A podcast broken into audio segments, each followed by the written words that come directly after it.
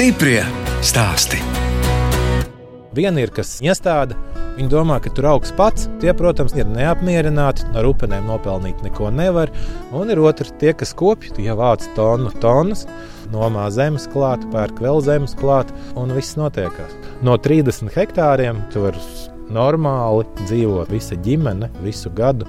Tā stāsta bioloģisko upeņu audzētājs Andris Krogzems no Limbaģa novada Viļķenes pagasta.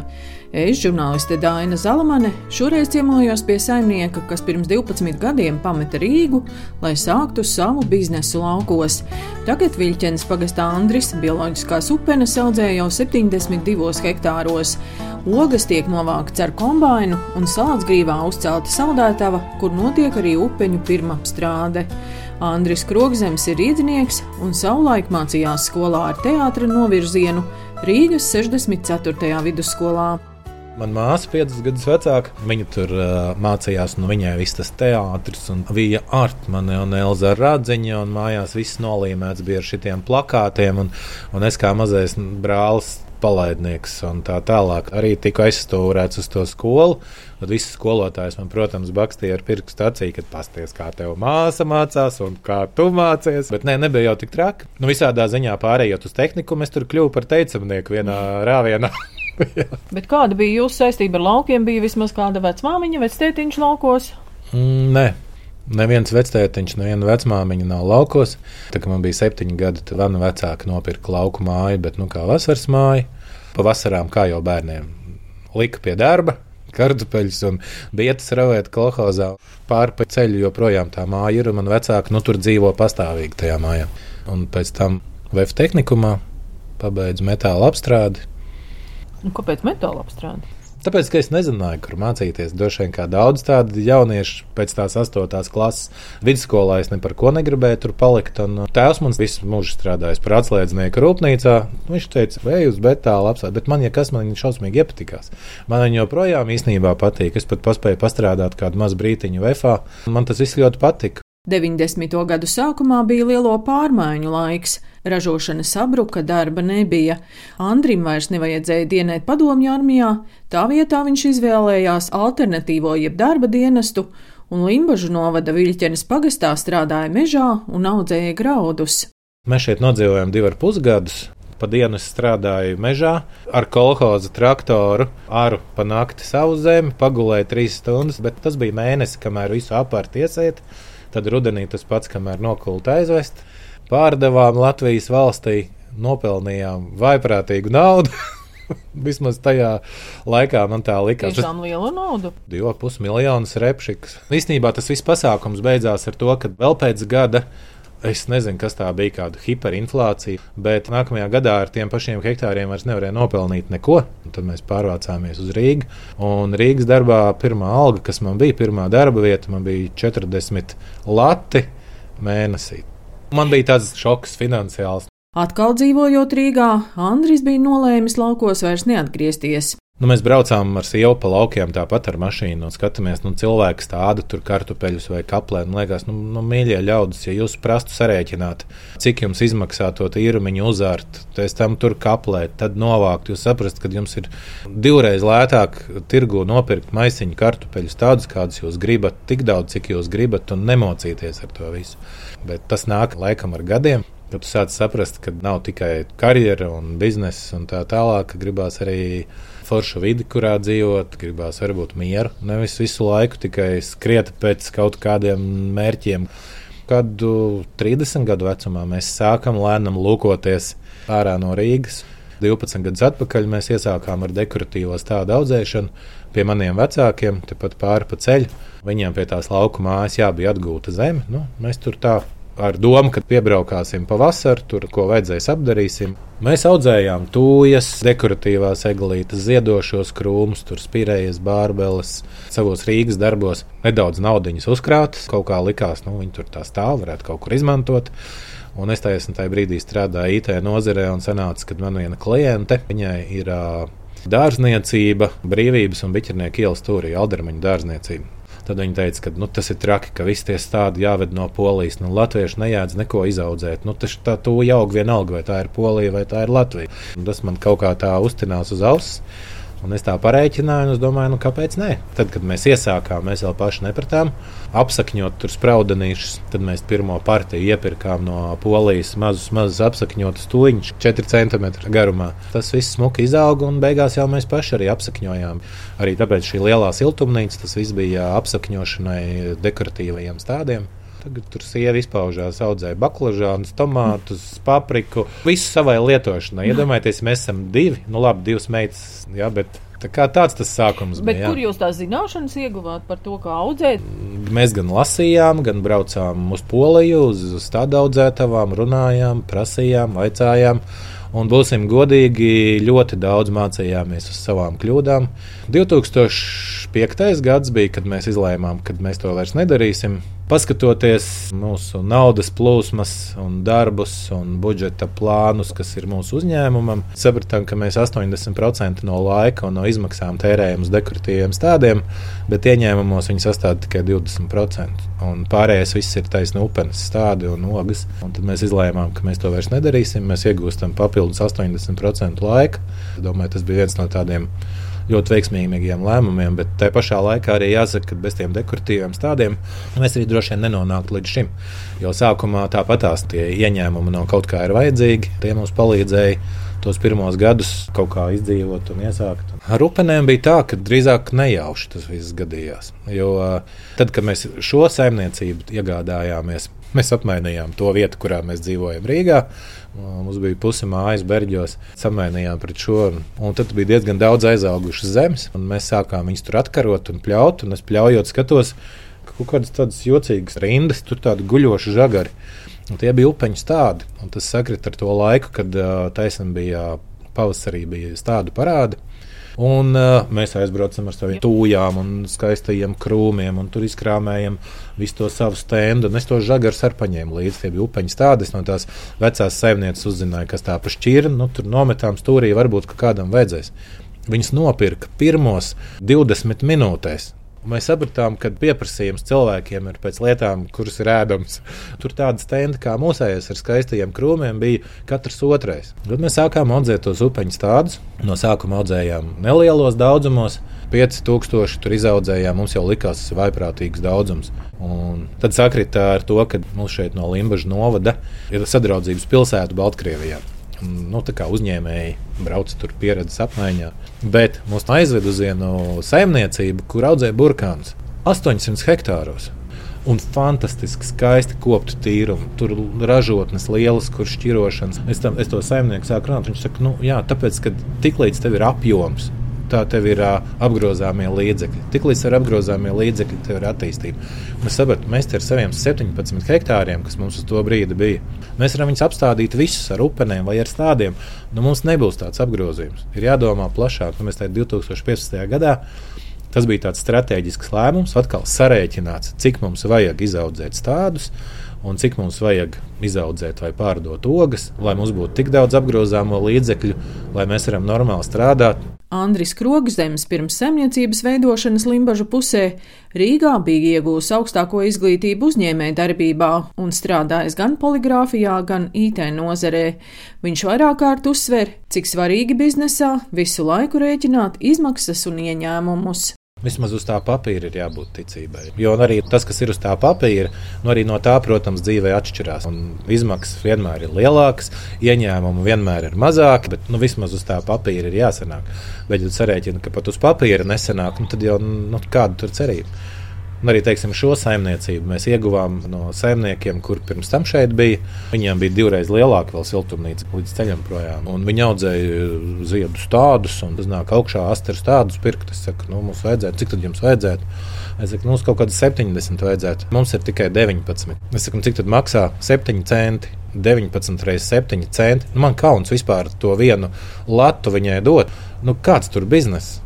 Viņi divi cilvēki ar bērniem, saimniecību. Tā nevar. Un arī šeit ir tas pats. Mums katru gadu līdz Ziemassvētkiem noteikti mums ir gatavs budžeta plāns nākamajam gadam.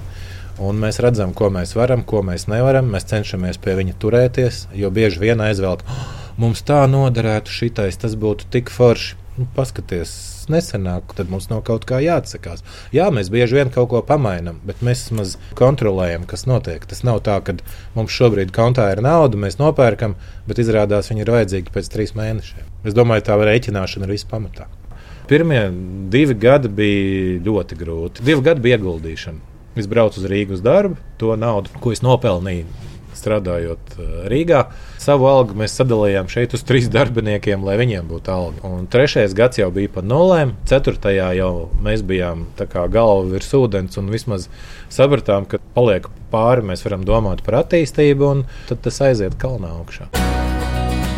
Stiprie stāstī!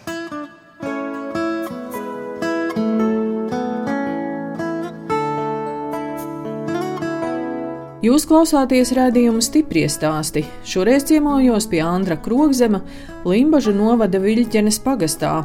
Sijā krogzemi pieder 111 hektāru zemes, un upenes šobrīd aug jau 72 hektāros. Pirmās mēs, kad stādījām, gribējām būt gudrāki par visiem pārējiem, iestādījām ne tā, kā mums teica, kā vajag. Rezultāts tāds, ka nu jā, viņas septiņus gadus, ka viņas tur bija, bet nu jā, mēs viņus vairs nespējām, vairs netikām klāt, ne mēslot neko jo bija pa šauri sastādīts. Tad tās bija pirmās, ko mēs izņēmām ārā. Šeit mums ir paraugu dārsts, lai varētu mehanizēt vākt. Šajās četrās rindās ir uh, 26 dažādas šķirnes. Šeit mēs skatāmies, kuras ir piemērotas audzēšanai un vākšanai ar kombināciju, kādas ir ražas, kādas ir salnu izturības, sausuma izturības. Un, uh, līdz šim mums tā, tā stāda audzēšanas stratēģija bija tāda, ka mēs iestādām sev jaunu ogu tīrumu, un mēs pirmos divus, trīs gadus griežam no viņiem spraudeņus, un tikai pēc tam laižam ogās. Tas rezultējās tajā, ka katru zaru, ko mēs nogriežam, viņa vietā izaug divi vai trīs citi. Ja mēs pēc gada tos atkal nogriežam, katra viņa vietā atkal divi, trīs citi, un līdz ar to arī ražas varētu būt lielākas, ja viņi nebūtu tik biezi. Ir šķirnes, kuras ir ļoti, ļoti noturīgas gan pret slimībām, it sevišķi pret to, kas Latvijā visbīstamākais, tā ir pumpurērts. Un, principā mums pumpurērts problēma nav vispār, un tas ir tikai dēļ šķirņu izvēles. Lapu slimības ir upenēm, jā, tās ir plankumainības. Un, ja mēs varētu miglot, tad mums viņas nebūtu vispār. Bet, nu, Dievs ar to, nu, mums ir raža tik, cik ir, un viņa nemaz nav slikta. Jā, poļi vāc 14, 15 tonnas no hektāra. Mūsu gadījumā tās 3,5 tonnas vidēji no hektāra ļoti labi. Šis viss ir mehanizēts darbs. Vācam ar kombināciju, ravējam ar traktoriem pļaujam visu ar traktoriem, stādam ar traktoriem. Man vispār pārsteidza tas jūsu tehnikas laukums, vai tā visa tehnika ir tiešām upenēm paredzēta? Mm, lielākā daļa, jā. Mēs esam, varētu teikt, tā, šīs nozares, upeņu audzēšanas nozares, tādi attīstītāji Latvijā vai celmlauži, varētu teikt, kas no jauna tādām modernākajām veidiem mēģina to darīt. Sijā Krogzime īstenojuši septiņus Eiropas Savienības fonda projektus un investīcijās piesaistījuši pusmiljonu eiro. Nauda galvenokārt izmantota tehnikas iegādēji, bet pēdējais lielais projekts ir ogu saldētava salacgrīvā. Upens ir tāda oga, kuru pēc novākšanas nu, 24 stundu laikā kaut kur ir jāliek. Ja ne, tad viņa paliek mīksta un sāk sula tecēt ārā. Vēl pēc divām dienām viņi sāka pelēt jau. Visā vakarā Eiropā, tur Francija, Vācija, kur audzēja arī upens diezgan lielos daudzumos. Tu lielāko daļu iztiek uzreiz no tīruma, vests uz pārstrādi, ber lielos katlos, tur spiež sulas vai vāra. Mums savukārt tās ogas visas ir glabāšanai. Pirmā lieta ir sasaldēšana, un otrā lieta ir tas, kas nāk no kombinācijas ārā. Tur tomēr ir klāta ķekari. Upenē kā daudzām ogām galā ir zieda atlikums, tas brūnais ziediņš. Tas nedrīkst būt, viņš ir jāatdala. Tāpat ir jāatdala bojātās ogas, un tur ir vajadzīga šī optiskā šķirošana. Pie līnijas strādā principā četri cilvēki. Konteineros ir sasaldētās ogas. Tās bija iekšā līnijā, līnija viņas attīra. Tur ir kaut kādas piecas iekārtas, kas ir līnijā, no kurām tikai viena ir šī optiskā šķirošana. Pēc tam sapakojam, kā nu vajag klientam, kādos iepakojumos, un līdz šim viss gāja eksportā. Vācija, Nīderlandē, Polija, Saldēts Itālija, saldēts ogas. Jā. Kā izēja materiāls dažādām ražotnēm. Tādi lielākie ogu pircēji vispār ir ogu biržas. Nīderlandē tā ir ogu birža, kas no mums pērk arī Vācijā. Par savu naudu saimnieku uzcēluši biroju ar lieliem logiem. Andris Krogzems stāsta, kāpēc neizmantoja Eiropas naudu. Tur tās visas prasības, tādas, šitādas, un septiņu gadu uzraudzība, un vēl kas starp citu. Tiklīdz ir būvniecība, ja Eiropas naudas, tā tās tāmas neskapēc pieaug. Gan drīzāk par to pašu daļu, tik cik ir uh, Eiropas atbalsts. Un cik liels šobrīd ir uzņēmums, cik jums ir darbinieki? Mēs visi kopā esam desmit darbinieki pastāvīgā darbā. Un sezonas laikā mēs arī nodarbinām ap 40 sezonas laukstrādniekus. Vairāk tas ir uh, uz stādu audzēšanu, jo principā stādi tiek audzēti 6 hektāru platībā, un trīs reizes gadā viņi tiek visi izravēti ar rokām.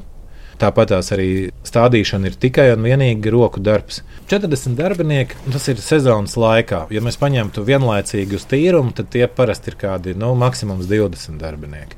Jo ar sezonas laukstrādniekiem ir tā, ka tu viņu no rīta pieņem darbā, nodeklarē lauka atbalsta dienas sistēmā, un vakarā tu viņu atdeklarē, un tu nezini, vai viņš rītā būs. Un tie ir tādi cilvēki, kuri nav ar mieru nākt pastāvīgā darbā. Viņiem patīk tā brīvība, ka viņš izlemj, vai viņš rīt ies uz darbu vai neies. Un, ja mums ir 40 tādi, kuri varētu būt, nebūt, tad vidēji mums tie 20 sanāk. Lai gan ir rīta, ka busiņš mums ir pasažieru busiņš, kas brauc katru dienu 30 km no rīta, 30 km vakarā. Tad ir, bi jā, ir bijuši rīti, kad uh, busiņš atbrauc un viņā ir divi cilvēki. Latvijas lielveikalos drīz varēs nopirkt bioloģiskas Latvijā audzētas saldētas ogas, smilcēkšus, dzērvenes, jāņogas, arī viļķenē audzētās upenes. Savulaik no upenēm saimnieki ārpakalpojumā spiedarīja sulu, bet šādu pakalpojumu vairs nepiedāvā. Mums arī nāca piedāvājums, lai mēs piedalītos bioloģiskajā stendā Riga Food izstādē.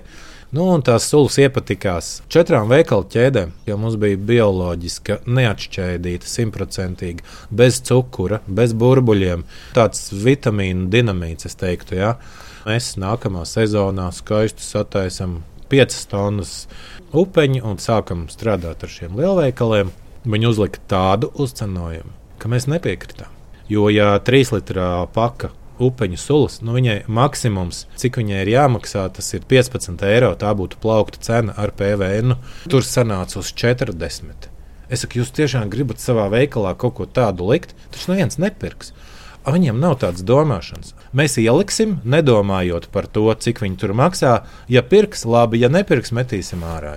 Un viss, un mēs tās sulas iztirgojām paši par normālu cenu piegādājot veselu ziemu, braukājot uz Rīgu divreiz nedēļā. Tur cilvēkiem vienkārši pievedām klāt, pat es nepārspīlēju, nesām augšā uz septīto stāvu, jo tur māmiņa ar bērniņu un viņi nevar nonākt lejā. Un, nu, tas nav mūsu biznesa. Tas nav tas, ar ko mums jānodarbojas. Ja? Tāpēc mēs to vairs nedarām. Ir jums domas arī par kaut kādām citām kultūrām? Mēs ļoti domājam par jāņogām un ēršķogām ēršķogāms pieprasījums ir tāds, neteiksim, ka lielāks, bet viņš ir uh, stabilāks. Jāņogām mēdz būt, ka pieprasījums ir milzīgs. Un, protams, tas tad, kad ogu nav. Tad, kad ogas ir, tad viņas ir visiem, tad viņas nav kur likt. Bet kāpēc mēs to skatāmies? Jo tā ir tieši tā pati tehnoloģija. Tas ir tieši tā pati stādīšana, kopšana, vākšana, pat ar tiem pašiem kombainiem, arī pēc tam sasaldēšana, attīrīšana. Tas viss ir tas pats. Kāpēc mēs to vēl nedarām? Tāpēc, ka nav stādi pieejami forši. Polijas stādi ir raksturīgi ar to, ka gandrīz jebkuras kultūras stādi ir pilni ar kukaiņiem un slimībām. Un, uh, tos mēs ievazāt galīgi negribam. Mēs cenšamies pārliecināt vēl kādu saimniecību, lai sāk audzēt tā, kā mēs audzējam upeņus tādus. Mums vienkārši nav spēka vēl kaut ko ņemt. Tad mums te jāpaplašina birojas. Teikšu godīgi, mums ir labi tā kā ir. Mēs baigi negribam izaugt par multimiljonu uzņēmumu. Mēs tā baigi negrasamies paplašināties. Bet uh, kādai citai saimniecībai tas var būt ļoti noderīgi, bet nu, neviens kaut kā nesaņemās. Ja būtu forši un kvalitīvs tādu pieejamu Latvijā, mēs labprāt ēršķogas ir sevišķi, jā, mēs pamēģinām. Man tāds priekšstats ir radies, ka Limbaģa pusē ir daudzi ogu audzētāji. Tā ir. Jā, ir tādi, kur audzē upenes un arī citas ogas. Mums ir kooperatīvs, 30 saimniecības, mm, bioberijas Latvija. Mūsu kooperatīva priekšsēdis, viņš smilcēšs sāk audzēt, un vēl ir kooperatīvā divi biedri, kas audzē savus seržus, kas ir arī ļoti interesanti. Un, kā Eiropā saka, perspektīva kultūra. Kooperatīviem ir līgumi ar saldētavām, gan kooperatīviem ir līgums ar mums, un ir līgums ar otru saldētavu, kas ir uh, skultē. Jo ražas laikā tas ogu daudzums, tā plūsma ir tik liela, ka mēs vienu nevaram paņemt pretī. Nemaz. Un tāpēc iet uz divām saldētavām. Un tagad, kad notiek attīrīšana un pārdošana, no tās saldētavas veda pie mums uz attīrīšanu, tad iet projām klientiem. Un pārdošana viss notiek kopā. Kooperatīvs pārdod visu ogu kopā. Arī eksportē kopā. Jā. Tad uh, ogu audzētāji ir eksportētāji. Jā, noteikti. Tāpat kā graudrožotāji. Graudiem ir milzīga apjoma, protams, kopš 91. gada tā nozare ir attīstīta, viņā arī ir uh, mērķiecīgi un milzīgi investēts Eiropas līdzekļi, un tas ir devis savu rezultātu. Es domāju, ka šobrīd ogu nozarei arī ir visas iespējas to darīt, jo līdzekļi ir pieejami Eiropas, neviens mūs neierobežo, ir tikai sava gribēšana un varēšana. Stiprie stāstī!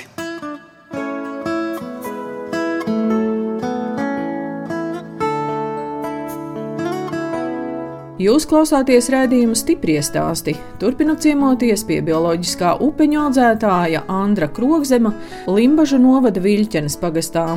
Andrim un viņa sievai Diānai ir divas meitas, Emīlija un Kristīna, un arī vecākā meita nodarbojas ar stādu audzēšanu. Mums lielā meita, kad mēs šeit pārvācāmies 12 gadus atpakaļ, nu, viņa teica, nekad mūžā. Nu, viņai 18 gadi, tad bija lauki, jūs ko vecāki, traki vai kur viņi šobrīd atrodas. Viņai jau ir ceturtais gads viņas saimniecībai pie salātsgrīvas. Savs biznesa, savā veidā. Viņa audzēs smilcēžus tādus. Sāk ar mazumiņu, šobrīd eksportē uz Lietuvu, uz Igauniju, uz Vāciju. Un it kā tas biznesa modelis šis, bet ar citu kultūru. Un darbojās, tas iet. Un ko tad mazā meita Emīlija dara? Emīlija šobrīd mācās Zviedrijas ekonomikas augstskolā un paralēli strādā vienā loģistikas firmā par muitas deklarantu. Es pats gribētu, lai viņi pastrādā kaut kur citur, citos uzņēmumos, sasmaļās citu uzņēmumu pieredzi. Jūs jau teicāt, ka jūs esat uzņēmumā runas vīrs, bet tā īstā īpašniece un uzņēmuma vadītāja ir sieva Diana. Diana arī ir uh, ekonomists, finansists augstākā izglītība. Sākumā grāmatvede, pēc tam tur galvenā grāmatvede.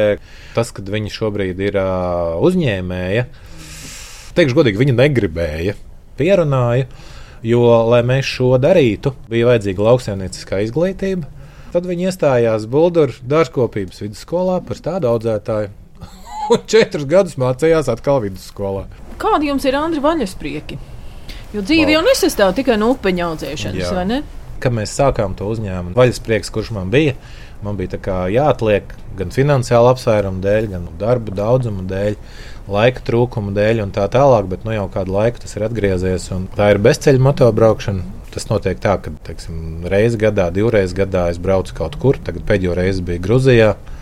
Un mēs braucām četras dienas pa kalniem. Tas bija tik fantastiski. Gida pavadībā. Un, un, un ar tad, kādu motociklu tad jūs braucat? Nu, tas skaitās enduro. Tajā gadījumā tur uz vietas viņi tiek izīrēti, bet Nu, man, protams, šeit arī ir, un mēs te braukājam arī ir tie TET maršruti, saucamie, kas cauri visai Eiropai ir enduro maršruti. Tiem braukājam, šeit aizbraucam uz trasēm, kur ir sacensības tikko notikušas, sacensības beigušās.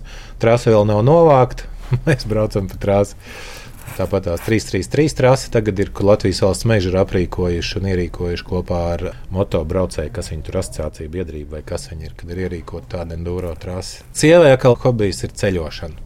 Viņai patīk visādas tur vīna tūres, un tad viņas ar draugiem aizbrauc. Man tā baigi tāda vazāšanās pa pilsētu īsti nepatīk. Bet, teiksim, tad, kad aizbraukt ar kādu kuģi kruīzā pa Emirātiem, tur forši tā kā tad ir nedēļa, mēs pabraukājam, un tur redz kaut ko, kā citur dzīvo, un, un, un tā tas ir interesanti. Un slēpot mēs braucam, tur gan mēs mēģinām arī ar meitām, ar znotiem, un, un nu, tā kopā tā kā ģimene, tāds saliedēšanas pasākums, varētu teikt tā. Vairāk nekāda tāda baigie hobiji tāda nav aizbraukt ar supu dēli, tepat uz ezeru ar draugiem vienu dienu padzīvoties pa ezeru. Reizi gadā, divreiz gadā iznāk kaut kā visiem vienmēr darbi un kaut kādas darīšanas. Kādreiz bija, kad mēs pilsētā dzīvojām, tad mēs bijām organizatori ar sievu, ka mēs visiem draugiem organizējām braukšanu ar laivām pa Latvijas upēm. No nu, es nezinu, 11 gadus mēs braucām katru gadu, un mēs pat dusmojāmies, ka tie draugi, kas mums ir laukos, viņi nekad gandrīz nebrauc. Kopš mēs esam šeit, Mēs ar laivām laikam vairs nebraucam. Šis raidījums skan valsts svētku nedēļā, un mums jau kurais gads jau ir tādā covid zīmē, un tas laiks ir. Nu, to sabiedrība tās sašķēlis. Jums ir kaut kādas tradīcijas ģimenē, kā jūs šo svētku svinat? Kad bērni bija mazi, tad mums bija pilnīgi skaidrs, ka mēs braucam uz centru pilsētas, tagad jau jāsaka, braucam uz Rīgu, skatīties, kā izpušķota pilsēta, un parādi skatīties, salūtu skatīties. Jā, pirms pandēmijas mums bija tāda tradīcija, ka mēs Rīgā viesnīcu paņēmām, lai mēs varam tā ritīgi izdzīvoties, un lai nebūtu pa nakts vidu tur jābrauc mājās. Gan pagājušajā gadā, gan šogad tas viss atkrīt. Jā. Mums ir kaut kā izdevies visu šo laiku izvairīties vispār mūsu ģimenei, gan maniem vecākiem, gan, gan bērniem, gan mums pašiem. Un, visi ir sapotējušies. Mēs to darām tāpēc, ka tā ir cerība, ka tas varbūt tomēr palīdz, vairāk nekā nepalīdz. Bet tas, ka par to sabiedrības šķelšanu arī, jā, nu šis es teiktu, ka ja līdz šim mums tomēr ir bijis, ka tā sabiedrība ir sašķelta tur latviešos un nelatviešos. Pat tas nebija tik ļoti sašķelts kā tagad, antivakseros un vakseros. Un, un, un skumīgi ir, aiziet līdz tādām galējībām, gan viena, gan otra. Tas tā bija skumīgi. Jā. Neredzu karogu mastu, bet pie mājas droši vien ir karoga masts. Ir, jā. jā, šeit nav starp citu vajadzētu. Pie mājas ir karoga masts. Jā. Viņš tur jau bija. Mums tikai atlika pārņemt to visu. Un, un tad, kad mēs to pārņēmām, tad sapratām, cik tas ir. Nu, cik tas forši. Emīlija tajā brīdī, kad mēs pārvācāmies otrā klasītē, sāk iet.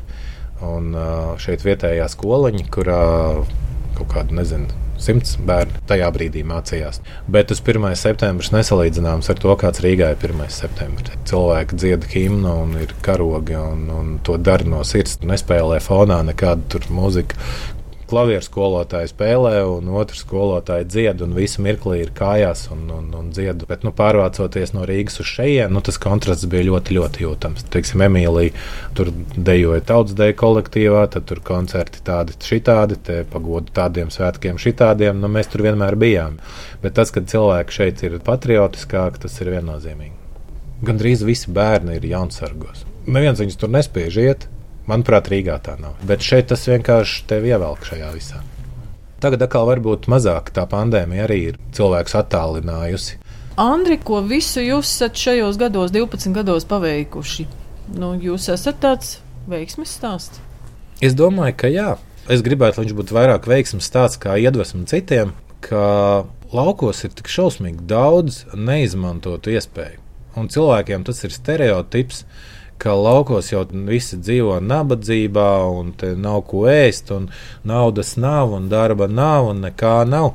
Ja man būtu vairāk spēka, tad ir tik daudz iespēju apkārt, ko darīt. Ne tikai lauksaimniecība. Kaut vai mums, mums darbiniekiem, lai viņiem būtu siltas pusdienas, ka viņas atbrauc. Kur ir kāds uzņēmums, kurš ir gatavs viņus atvest šeit? Un tādu uzņēmumu apkārt ir daudz, kur to gribētu. Bet nē, tur sēž kaut kāds bistriķis uz vietas un neko nekur neko nevedīs katru dienu mums desmit cilvēkiem pusdienas. Es nedomāju, ka tā ir maza summa. Te līdz limbažiem 20 km. Kas tas ir? Arī? Mēs jau arī maksājam noteikti par to piegādi, un nav tādu uzņēmumu.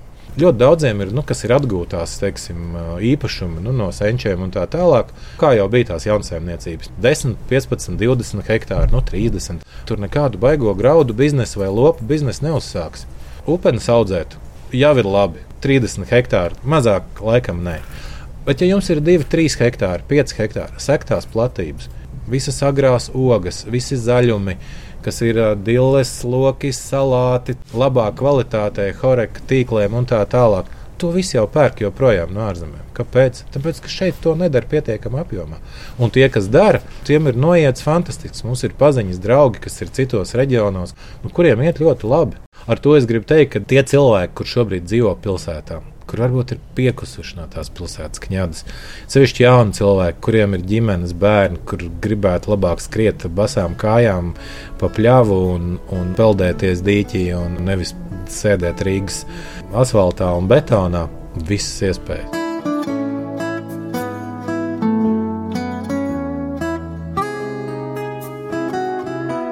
Rēdījums stipri stāst izskan, un mēs atvadāmies no Andra Krogzema, kas Limbažu novada Viļķenes pagastā 72 hektāros audzēja bioloģiskās upenes un izveidojis saldētavu ogu saldēšanai un pirmapstrādēji.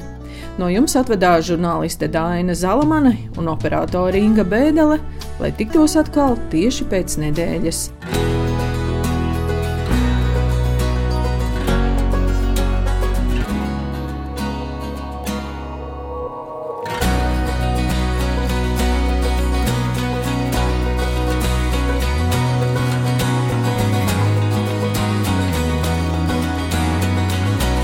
Stiprie stāsti.